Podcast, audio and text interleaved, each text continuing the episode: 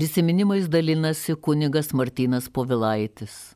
Mėly Marijos radio klausytojai, šiandien mūsų to, vieną iš tautos šviesuolių kunigą Antaną Skeltį prisiminti verta ir tikrai nuostabu, kad e, jį pažinoja, jį sutikę arba jo besižavintys žmonės gali papasakoti šitą apie tai, kuo šitas žmogus gali įkvėpti ir tas šventųjų bendravimo, tikėjimo tiesa šita, jinai iš tikrųjų mums brangieji labai labai padeda. Tokie šventi žmonės, tokie dvasiškai brandus žmonės kaip kunigas Antanas Keltys tikrai gali mus daug ko išmokyti. Kunigas Antanas Keltys yra Lietuvos saleziečių vienuolinės šeimos patriarchas. Jeigu ne šitas žmogus, saleziečių veiklos, visos saleziečių šeimos Lietuvoje nebūtų. Ir nors jis atrodytų gyveno seniai, jau daugiau nei 60 metų, kaip jis miręs, tačiau tikrai šio žmogaus indėlis į dabartinį Lietuvos dvasinį gyvenimą, į daugelio iš tikrųjų žmonių, tikrai yra labai labai brangus.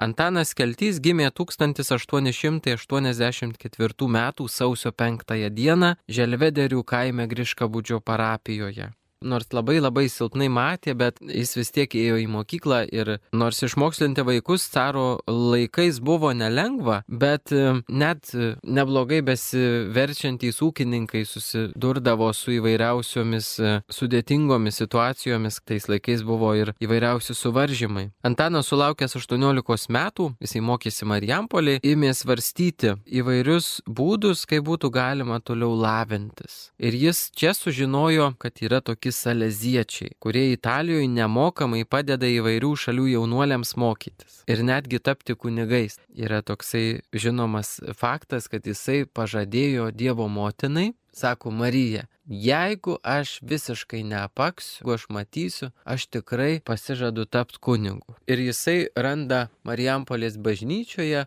tokią iškarpą, klebono padrasintas, jisai kreipiasi tuo adresu į Saleziečių namus pagrindinius Turinę ir gauna trumpą atsakymą lietuvių kalba - atvažiuok. Turinas tai baisiausiai toli, Italijoje, Šiaurės Italijoje. Ir šitas jaunas žmogus su storais akinių stiklais jis išvažiuoja į Turiną. Ir kas įdomu, kad jam pavyko pasiekti visokiausiais būdais, ten ir, ir, ir laivais plaukė, ir keliavo pėsčiomis. Ir Antanas Keltys pasiekė Turiną Ten jį sutiko Lenkai, saleziečiai ir priėmė į savo novicijatą. Tai įvyko 1902 m. spalio 16 d.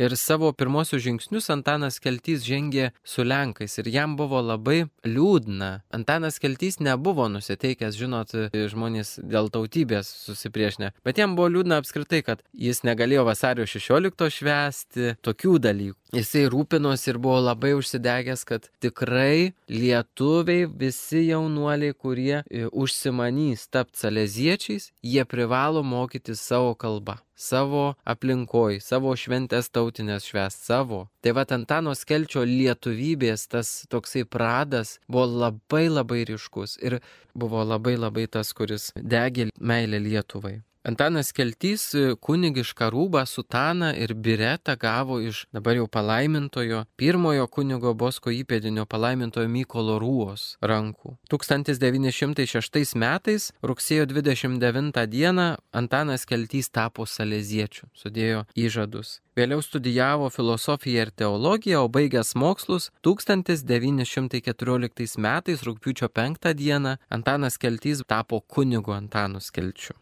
po kunigystės šventimų labai norėjo grįžti ir kunigo Bosko idėjas ir salezietišką dvasingumą čia sėti. Tačiau įvyko pirmasis pasaulinis karas ir visi keliai buvo uždaryti. Ir kunigas Skaltys buvo paskirtas į Veroną, kur darbavosi šešis metus vėliau į Estę šitas kunigas buvo pripažintas nuostabiu jaunimo dvasios tėvu. Daugelis, kai prašo apie jį, eidavo iš pažinties, jaunimas eilėm tiesiog stovėdavo ir jisai mokėdavo tauriai, taip linksmai ir tuo pat labai labai tėviškai patart, padėt, pradžiugint jauną žmogų. Tai tikrai kunigas Keltys turėjo kunigo Bosko tą dvasę, tėvo dvasę. Pradžią savo gyvenimo kunigiško. Kunigas Keltys labai labai troško, kad lietuviai jaunuoliai lietuviai galėtų ruoštis ir kad kuo daugiau lietuvių jaunimo galėtų įsijungti į gretas saleziečių, kad Lietuvoje jo tėviniai irgi būtų kunigo Bosko dvasinė šeima. Ir tai pavyko jam tik 1927 metais. Lietuvių įstaiga, kuri vadinosi Instituto Salesiano, buvo įkurta Perozo Argentinoje, Alpėse, apie 40 km nuo Turino. Jau 1921 metais kunigas Antanas Keltys buvo apsilankęs Lietuvoje. Ta misija į Lietuvą jisai po visą Lietuvą važinėdamas pradėjo jaunus žmonės kviesti ir jisai juos mokėdavo džiaugsmingai patraukti prie Kristaus, prie kunigo Boskos mens. Ir nuo 27 metų, 1927 metų pradėjo eiti saleziečių žinios. Laikraštis, kuris ir šiai dienai yra leidžiamas saleziečių. Visame pasaulyje yra saleziečių žinios, tačiau tačiau lietuviškas spausdinys jisai buvo atspausdintas 1927. Būdavo paskutiniam tam puslapį, kad kviečiame jaunimą, kviečiame bendradarbius. Tai tų jaunuolių tikrai kunigui Skelčiui pavyko sumedžioti labai nemažai. Iš pat pradžių 11 parsivežė į Italiją, po to dar daugiau ir, ir tiesiog jie visi Italijoje mokindavosi lietuvių kalbą, lietuvių kultūrą, lietuvių valgių net. Tai tikrai jiems buvo netaip liūdna. Tai vad kunigas Antanas Jonas, žinodamas savo skaudžią patirtį, kaip yra nesmagu atvykti į kitos kultūros terpę, tai va jisai atjausdamas jauną žmogų, va sudarė visas sąlygas, kad jie galėtų Italijoje ruoštis, būti saleziečiais savo gimtają kalbą, savo papročiais, savo savumu. Taip pat kunigui Antanui Skelčiui rinkti kandidatus Lietuvoje labai padėjo prelato Domo Jakšto kreipimasis į Lietuvos jaunuolius, kviečiantis juos vykti pas saleziečius ir nemokamai tęsti mokslą. Ir 1924 metais į Milaną atvažiavo penki lietuviai, o paskui atvyko netgi 52 lietuviai. Tai vad kiek daug buvo. Ir pirmieji saleziečiai tą savo darbą su jaunimu tikrai statė ant Dievo meilės, ant gerumo, tačiau jie susilaukė nemažai ir įvairiausių priešiškumų. 20-ojo amžiaus ketvirtame dešimtmetyje išsipildė kunigo Antano Skelčio svajonė, lietuviai atvažiavo į Lietuvą. Lietuvoje pirmieji saleziečiai įsikūrė Zamkuje arba Vytėnuose, Skirsnemunės parapijoje dvare, kurį saleziečiams padovanojo iš Junktinių Amerikos valstijų grįžęs kunigas Antanas Petraitis. Dvarą atidavė saleziečiams kaip tiems, kurie labai nuostabiai auklėja jaunimą ir jis matydamas kunigas Petraitis tą saleziečių darbo reikalingumą Lietuvos jaunimo srity, jisai į tą dvarą padovanojo. Ir žinoma, saleziečiai atvykę čia labai daug turėjo darbo, iš pat pradžių jų buvo labai mažai, penki, tačiau jie labai greitai ėmėsi darbo. Bet tas darbas iš tikrųjų lietuvius turbūt ir pavergė. Lietuviai labai labai greit pamilo saleziečius ir, ir kunigą Antaną. Juos sužavėjo, kad kunigai va, ar, ir broliai su sutanom pasiraitoja sutanas ir jie dirba. Ir jiems va tas toks paprastumas, prieinamumas, juokai visokie, kurie yra būdingi saleziečių dvasingumais, jeigu žmogų gyvenantį salezietišką dvasę iš karto atpažinsi. Už tai, kad kunigas Bosko sakė, kad liūdnas šventasis, jok šventasis. Tai va, kadangi šventumas visų mūsų yra siekiamybė, tai mes vat ir turime būti linksmi. Ir um, atsitiko labai įdomus dalykas ir labai skausmingas, nes e, nors saleziečių vytienuose metai, kuriuos jie praleido, buvo labai veiksmingi, labai daug buvo daroma dėl jaunimo. Vien tai, kiek jie padarė tokių fizinių darbų, vat, va, kas nuvažiuosit į Veitėnų pilį arba važiuosit pro Raudonę ir vad bus sekanti pilis ta, bet Vitienai. Tai ten pamatysit, kiek daug, vad, iš, iškasti, pavyzdžiui, yra tokie prūdai, pilna, pilna jų. Tai ten yra saleziečių rankom padaryta. Takai, liepteliai ten visokiausi, tai va ten yra saleziečių pastatyta. Ir vad koplytėlė ant e, kalno, to irgi yra saleziečių pastatyta. Ant ją turėjo būti perkelti kunigo Antano Petraičio palaikai, bet e, karas sutrukdė. 40 metais, kai prasidėjo okupacija, tai saleziečiai buvo iš Vytienų išvykti. Jie dar buvo įsikūrę Saldutiški, Kaišėdorių viskupijoje ir buvo įsikūrę Kaune, kur dabar yra Kauno kunigų seminarijos bažnyčia ir tai ten buvo saleziečių vienuolynas, saleziečių bažnyčia, švenčiausios trejybės. Arkiviskupas Juozapas Kvireckas padovanojo visiems laikams saleziečiams tą bažnyčią. Kam yra brangi saleziečių charizma, gali žinoti, kad seminarijos bažnyčia bažnyčia, joje meldėsi, joje buvo labai labai daug šventų saleziečių dirbo. Ir Kaune labai daug padarė kuningas Keltys, tikrai, nors visi jų darbai, va, saleziečių buvo okupacijos e, išdraskyti, buvo tikrai patyrėjais ir kankinio dalę, ir tikrai tremtinio savo krašte neturėjo jisai ramybės, tačiau labai labai daug padarė dėl jaunimo, dėl sielų, dėl paprastų žmonių, darbo žmonių. Nuo 40 metų saleziečiai pradėjo slapstytis, žinom, bažnyčia labai labai persekiojama buvo ir ypač nukentėjo daug vienuolyjų. Tai jie bandė kunigą skelti iš karto suimti. Jis iš pat pradžių dirbo parapijoje, kai jau uždarė ir, ir Vytėnus, ir, ir Treibės bažnyčia Kaune, e, saleziečiai tiesiog viską paliko. Labai kunigui skelčiui buvo turbūt pirmas toks kankinystės momentas. Aš įsivaizduokim, dabar kažką statom, darom. Prie mūsų akių, mums matant, viską sugadina, viską sunaikina. Ta, dėl ko dega širdis, ta, dėl ko atrodytų galėtum viską atiduoti. Tai vad kunigas keltys šitą patyrė tokį sopulį. Grėsė didelis pavojus, kaip tiem, kurie dirba su jaunimu. Kunigas Antanas Kaltys 11 metų slapstėsi nuo stribų, nuo įvairiausio saugumo pas gerų žmonės. Daugiausiai Dzukijos krašte ir štai arkivyskupas kardinolas Sigitas Tamkevičius prisimena irgi, kaip pas jį namuose slapstėsi, kaip jo kaime krikštonyse buvo skeltys kunigas ir taip toliau. Ir jų susitikimas. 11 metų, įsivaizduokim, senas kunigas skeltys jau buvo, pasakoja, kaip e, jis persirengdavo pasaulietiniais rūbais rūbais jis nenešiojo jau, jau sutanos ir, ir visų kitų šventų rūbų, nes, nes reikėjo slapstytis, tai buvo su, su tokia stora striuke, vaikščiodavo su piemenio rūbais į vasarą ir e, pa žmonės jis įsidarbindavo, kad sako, bent jau piemenių priimkit, bent jau kažkuo. Ir e, kai kurie žmonės, pas kuriuos slapstydavosi, jie buvo tokių, kurie išsiduodavo. Pavyzdžiui, įsivaizduokim dabar pas mus slapstosi e, kunigas ar ne, ir jisai kiekvieną dieną aukoja mišes. Tai tie žmonės, kurie nu, nu, nebūdavo sekmadienį mišiuose, pavyzdžiui, jau klausdavo kaimynai, sakydavo, kodėl jūs neinat į mišes. Ir jeigu žmogus koks plepesnis,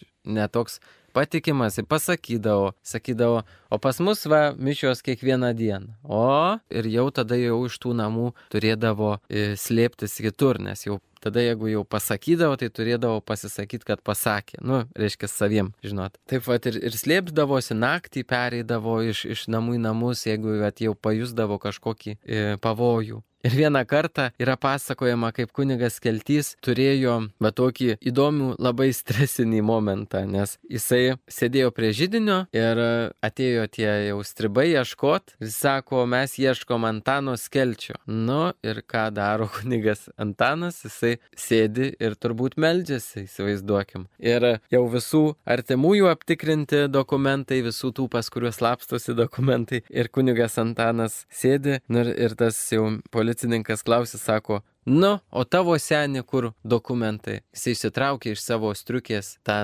pasą savo, paduoda, tada žinoma, tas e, policininkas perskaito balsu vardą, pavardę ir tėvavardį, atiduoda, žinoma, taip nepagarbiai tam kunigui Antanui Skelčiui atgal pasą ir sako, nu senė, gyvuok. Įsivaizduojat, nepažino, kunigo Antano Skelčio nepažino, jo ieškoja, jo ieškojo kratė ten iš viso, apylinkę šukavo ir kai susitiko juos, tai net pažino jo, nors jisai turėjo storiausius stiklus turbūt Lietuvoje akinių ir, ir, ir vien iš to galima buvo atpažinti, bet, bet vat, ką reiškia irgi mus šitoje vietoje gali išmokyti kunigas Antanas Keltys, kad va, viskas pagal Dievo valią vyksta. Jeigu ne Dievo skirta, tai va, tai nieko, čia gali nepergyventi. Jeigu Dievo skirta, kartą tai va tai bus. 11 metų, kai slapstėsi pačioj pabaigoje tos slapstymosi jau po Stalino mirties, bet vis tiek kunigas Antanas Keltys buvo suimtas, jį rado atsidarė langą, per, pažiūrėjo per langą, o ten saugumiečiai. Labą dieną. Ir tada jį suėmė į Vilniui, tuose saugumo rūmuose kankino, kad jis prisipažintų, kad jisai, vienu žodžiu, kolaboruotų su tarybų valdžia, bet jisai atsisakė, kankinimus atrėmė ir buvo kaip nepaklusnus kunigas ištremtas į Leipalingį. Ten jisai gyveno ir iš tikrųjų labai neblogai jam sekėsi, jis vis tiek ten kaip kunigas dirbo ir į aplinkinės parapijas parapijas jį kunigai priimdavo ir atvažiuodavo pas jį. Žmonės mylėjo, jaunimas, tai va kunigas Keltys Leipalingi ir mirė, buvo palaidotas Griška būdyje ir tenka garbė, tenka džiaugsmas dažnai lankyti jo kapą. Dar vienas dalykas, kuris labai yra svarbus, kad kunigas Keltys yra pasaulio tautų teisuolis. Jisai išgelbėjo daug žydų vaikų. Daugeliui, daugeliui vaikų tai pasaulio tautų teisuolio vardas kunigui Antanui Skelčiui suteiktas. Esu formarijus, e, Saleziečių tarybos narys ir esu atsakingas už kapus ir vat kunigos kelčio kapą. Tai man labai brangu yra, visada važiuoju, kaip žinokit, į piligrimystę, į tokį tikrą, tikrą susitikimą su Saleziečių patriarchu. Mes jį vadinam patriarchu, čia ne kad kaip ortodoksų patriarchas, bet kaip tėvas, ar ne kaip tas, nuo kurio viskas prasidėjo. Ir mums, Saleziečiams, Saleziečių šeimai, tai yra didžiulė, didžiulė asmenybė. Kunigas Antanas Keltys, jisai yra variklis. Buvo, bet ir yra. Mes tikim jo užtarimu, padeda mums skleisti kunigo bosko dvasę, skleisti salezietišką charizmą, meilę ir džiaugsmą. Paklausykime sesers Salezietės Birutės Demkutės prisiminimų. Mūsų gerbiamo direktoriaus ir inspektoriaus kunigo Antano Skelčio atminimui. Tai negali būti jo asmenybės nagrinėjimas, ką gali blusa pasakyti apie dramblį. Tai tik nuotrupos, kurios galbūt kai kam kada nors pasitarnaus. Kunigas Kelti pažinau apie 1940-41 metus Vitėnuose. Visa apylinkė mylėjo saleziečius, stebėjosi jais, ypač tuo, kad kunigai dirbdavo kaip ir visi mirtingieji. Kunigas Žemaitis, o gal ir kiti, su auklėtiniais kasė kelią nuo plento į savo namus. Anais laikais tai buvo milžiniškas darbas, nes žemės reikėjo kasti kastuvais ir išvežioti karučiais. Pati mačiau, kai melioruodami panemunės pievą kunigai pasiraitoja sutanas kartu su auklėtiniais kasė griovius. Žmonės ypatingai mylėjo ir gerbė tos įstaigos direktorių. Sekmadieniais jis vaikštinėdavo kieme prieš bažnytėlę ir nuolat matydavau jį žmonių apsuptą, linksmai su jais besišnekučiuojantį. Mane jis pats užkalbino ir paskui vis vadindavo studentę. Mūsų studentė. Niekada nemačiau jo paniurusio ar apsiblaususio, visuomet šipsodavos ir klausdavo, kaip gyveni. Atrodydavo labai patenkintas, kai išgirdavo atsakymą gerai, labai gerai. Tai buvo vokiečių okupacijos metai. Jo tėviška širdis užjauti visus vargstančius ir Vitėnuose buvo priglaudęs įvairius benamius ir persekiojamus. Buvo ten ir lenkai saleziečiai, du kunigai, vienas klierikas, trys seselės ir viena postulantė.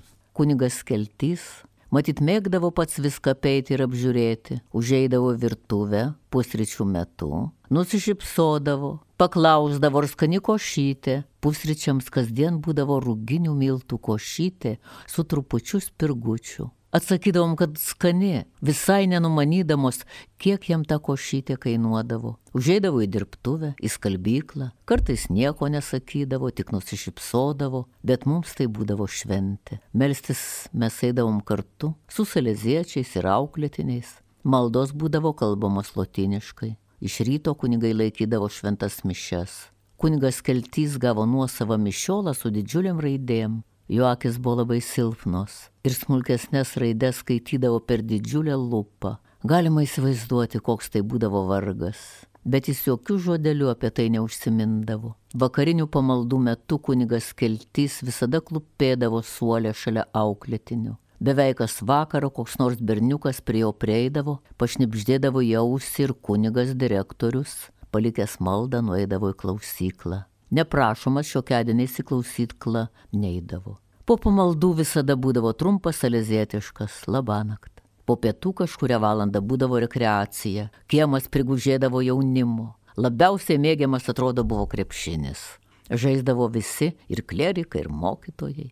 Kunigas direktorius vaikščiodavo kalbėdamas rožančių. Turbūt niekada jo ten nepabaigdavo, nes prie jo prieidavo tai vienas, tai kitas ir jis vaikščiodamas tėviškai su juo kalbėdavos. Turėdavo humoro jausmą ir už nepiktus šposus niekada nesibardavo. Vieną dieną labai snigo. Atrodo po pietų ar po pusryčių, mums dar tebesant valgykloje, jis atėjo, kaip paprastai nusišypsojo ir man pasakė, Matai, kas darosi, negalima pas mus nie laiptais nulipti. Paimk šluotą ir šluok, kad laiptai būtų švarūs. Paėmiau šluotą, ėmiau šluoti. Kol nušlaviau paskutinį laiptą, pirmas vėl apsnigdas. Na galvoju, iškrėsiu už posą. Pabaigu šluoti, vėl pradėjau šluoti ir taip ratu. Po gero pusvalandžio jis vėl eina, ką tu čia veiki. Nagi liepės šluot, kad laiptai būtų švarus, tai ir šluoju. Nesupyko, kad laiką gaišinu tik ėmė juoktis, net susiriesdamas. Na ir paklusnumas. Nuvijo mane pasiselės, o paskui juokdamasis pasakojo seselėms, kaip aš snaiges sušluota vaikau, kad nekristų ant laiptų. Taip nuoširdžiai iš tokių niekų juoktis gali tik tyra kūdikiška širdis. Kita kartą teko plaukti garlaiviu iš Kauno Vitėnus. Tuo pačiu garlaiviu plaukė ir kuniga Žemaitis su kažkokiu garbingu vyru. Šilinė iš garlaivio visi kartu sulipom į laivelį, na ir tada jau kartu keliavom į Vitėnus. Artėjant prie namų kuniga Žemaitis sako, na dabar mus vesk pačiu gražiausiu keliu. Aišku, jis turėjo galvoje tą kelią, kurį buvo iškasęs su auklėtiniais. Aš kvaila žasis.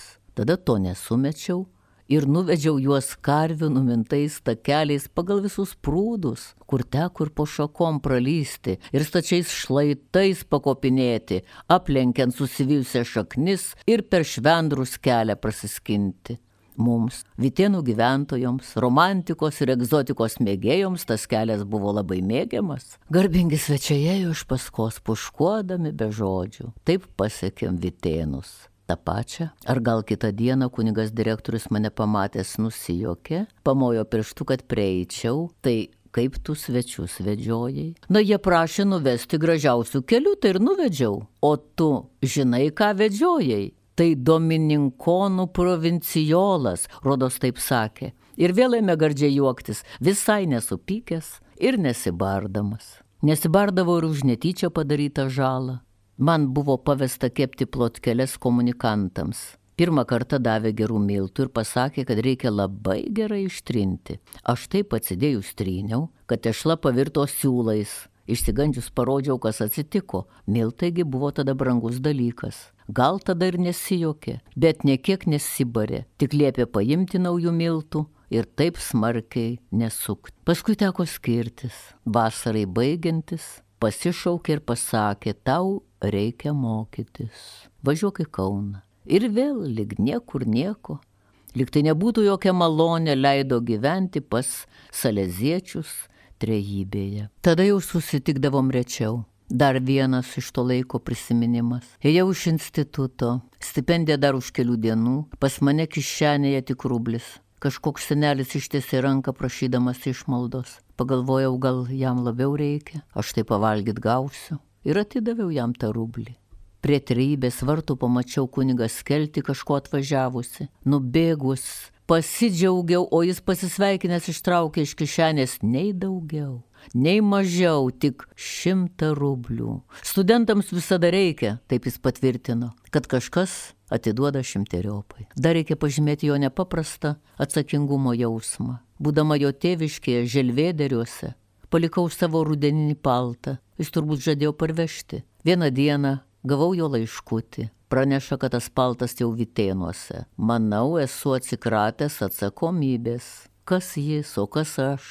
Ir jis jautėsi prieš mane atsakingas. Be to tai buvo laikotarpis, kada prasidėjo Vitėnuose dideli nemalonumai. Beje, dar prisiminimai želvėderių. Išsiruošiam jis, Staselė ir aš į želvėderius. Buvo kaip tik 12 valanda. Kunigas Keltys nusėmė kepurėlę ir visi trys ėmėm kalbėti viešpatės angelą. Kažkoks žmogelis išlindo iš po žemė, prie jokis išpūtęs, pastovėjo, kol mes baigėm maldą.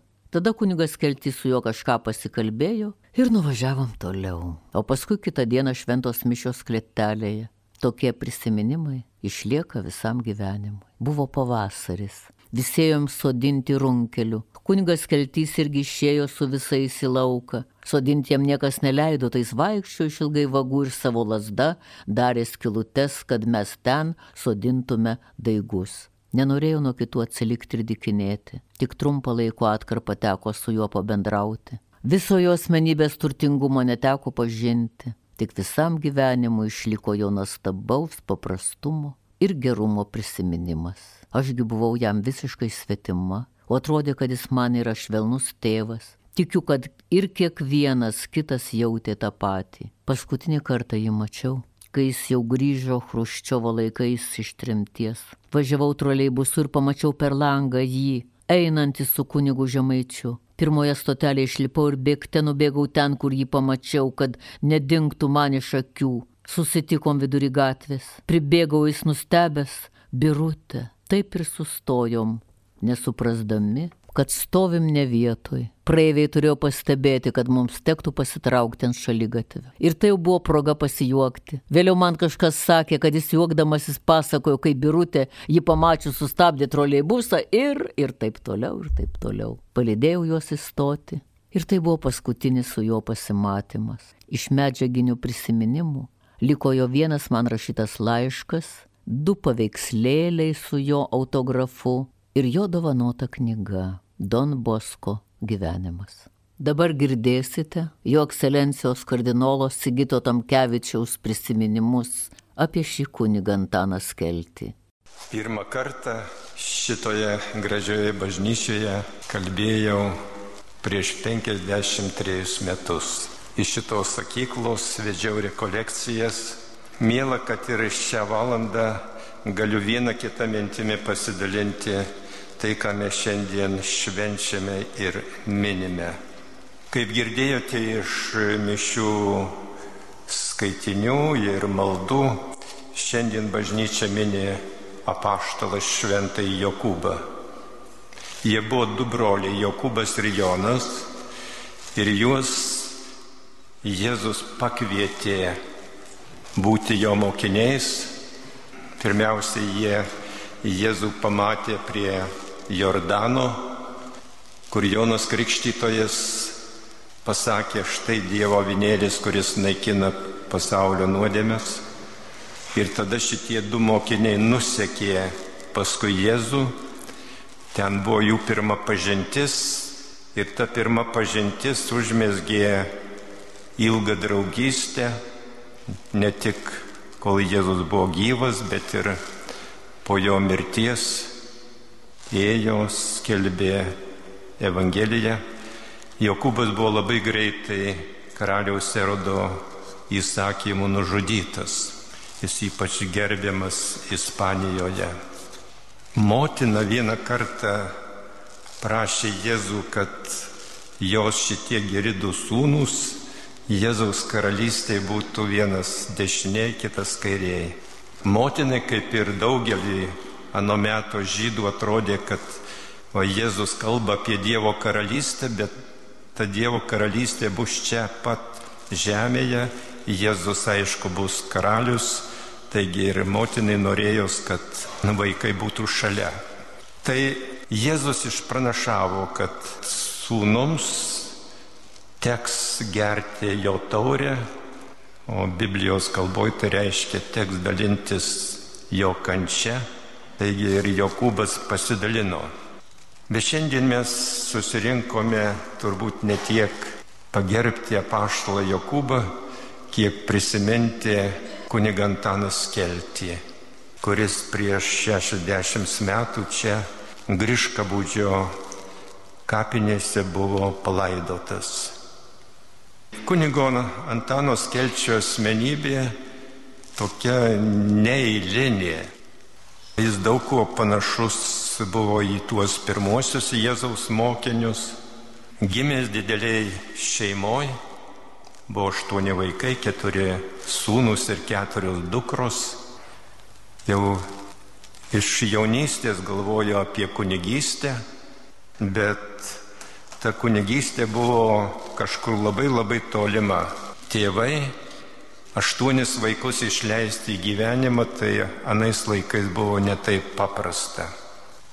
Ir kai Antanas baigė Marijampolės Rygiškių Jono gimnaziją, vienas kunigas Marijonas jam pasakė gerą mintį, kad yra tokia galimybė, Italijoje yra tokie saleziečiai ir jie globoja neturtingus vaikus ir su jais susipažinus yra galimybė net ir kunigystę pasiekti. Tai jaunuolis parašė į Italiją saleziečiams laišką ir gauna atsakymą su kvietimu atvažiuoti. Na ir išvažiavo.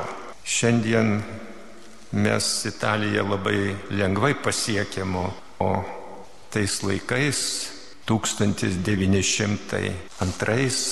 metais pasiekti Italiją buvo netaip paprasta. Tai jis su Vokietija perėjo sieną nelegaliai, slapta, paskui iš vieno miesto į kitą ir pamažu nusigavo iki Italijos ir ten jam nurodė, kur gyvena saleziečiai.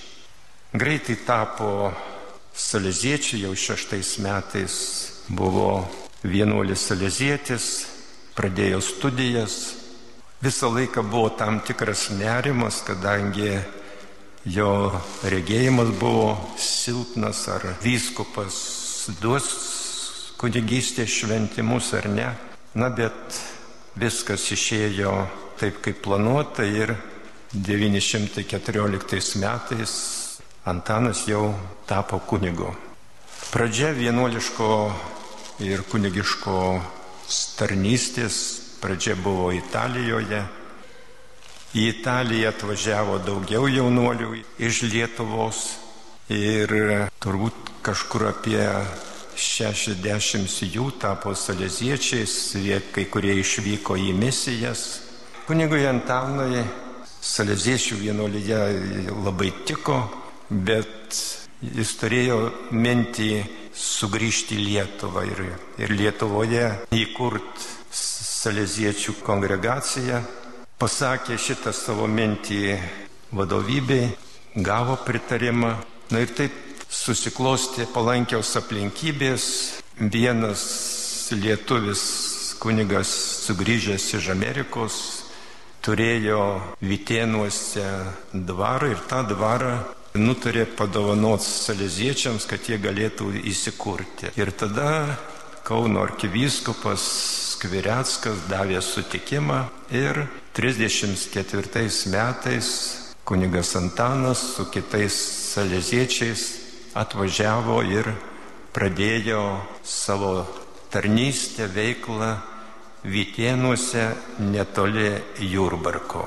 Dar po kelių metų Kauno arkivyskupas Skvireckas jiems pavedė švenčiausios trybės bažnyčia ir parapija, dabar ten yra Kauno kunigų seminarija. Na ir sėkmingai gyveno, plėtėsi ir Dievo garbė ir žmonių džiaugsmui. Žinoma, tas plėtimasis truko labai neilgai. Kaip žinome, 40 metais buvome okupuoti Vienuoliams bolševikai liepė įsikraustyti per 24 valandas, taigi užėmė Raudonoji armija. Paskui atėjo vokiečiai, sugrįžo salėziečiai nusiauptą vienuolyną, bet pasibaigus karui vėl prasidėjo naujos bėdos.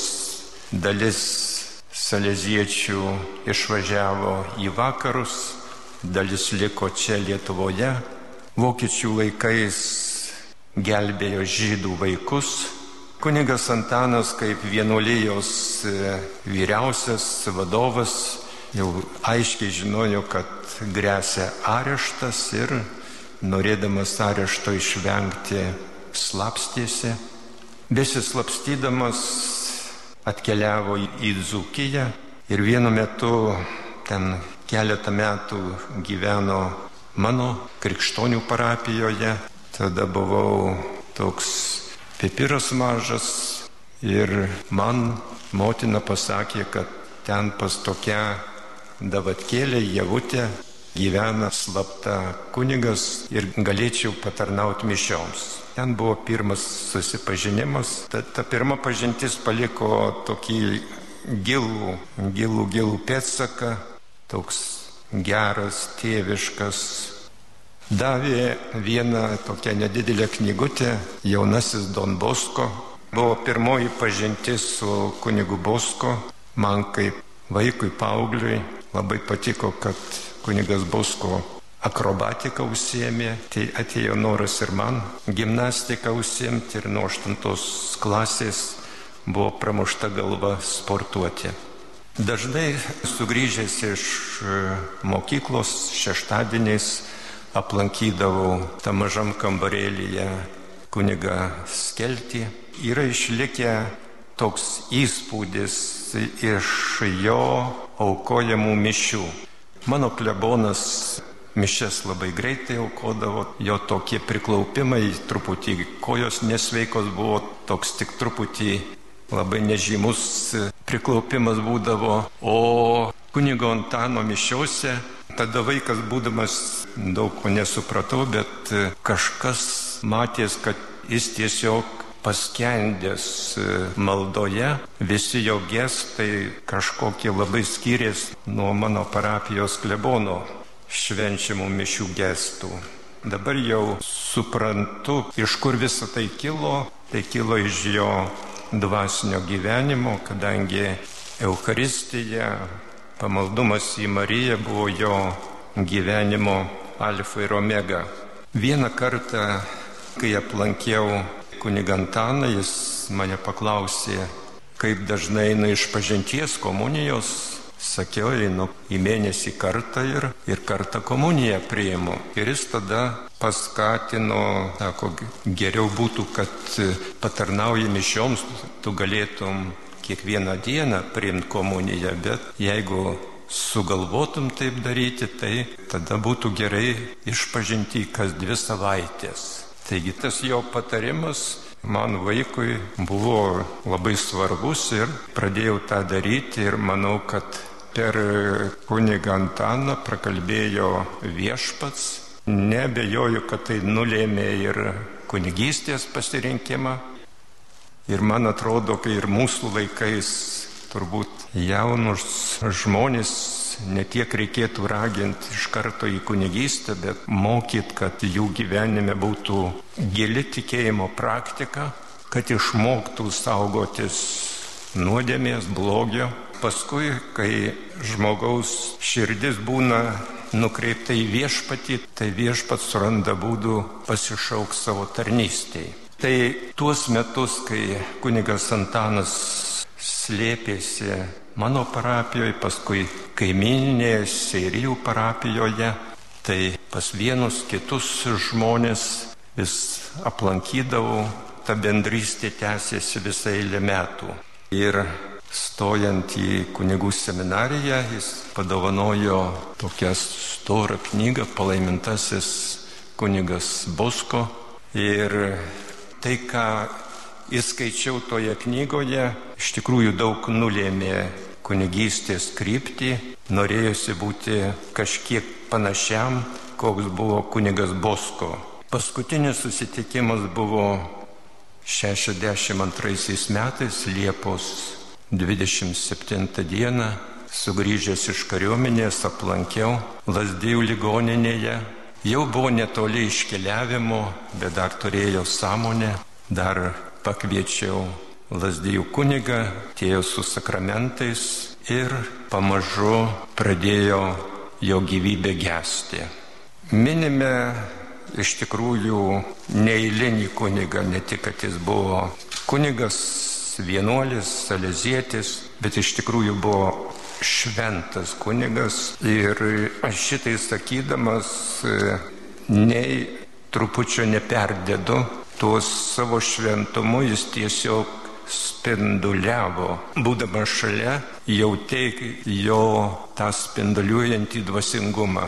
Daug dievė, kad e, mes visi dvasiškiai, ar tai būtume vyskupai, ar klebonai, ar, ar jauni kunigai, kad visi nors kažkiek turėtumėm to dvasingumo, kokį turėjo kunigas Antanas Keltys. Ir šiandien susirinkome iš tikrųjų nemelstis už jį, bet e, dėkoti Dievui, kad Lietuva turėjo tokį kunigą, tiksliau ir turi, būdamas danguje jis užtarė, jis lydi ir dabartinių kunigų gyvenimą, ir dabartinių saleziečių gyvenimą. Taigi dėkojime viešpačiui už jį ir kartu melskime, kad Lietuva ir daugiau turėtų panašių kunigų, koks buvo Antanas Keltys. Amen. Dėkojame jo ekscelencijai kardinolui Sigitų Tamkevičiui, kunigui Martynui Povilaičiui ir seseriai Selezietiai Birutei Demkutai. Sudė.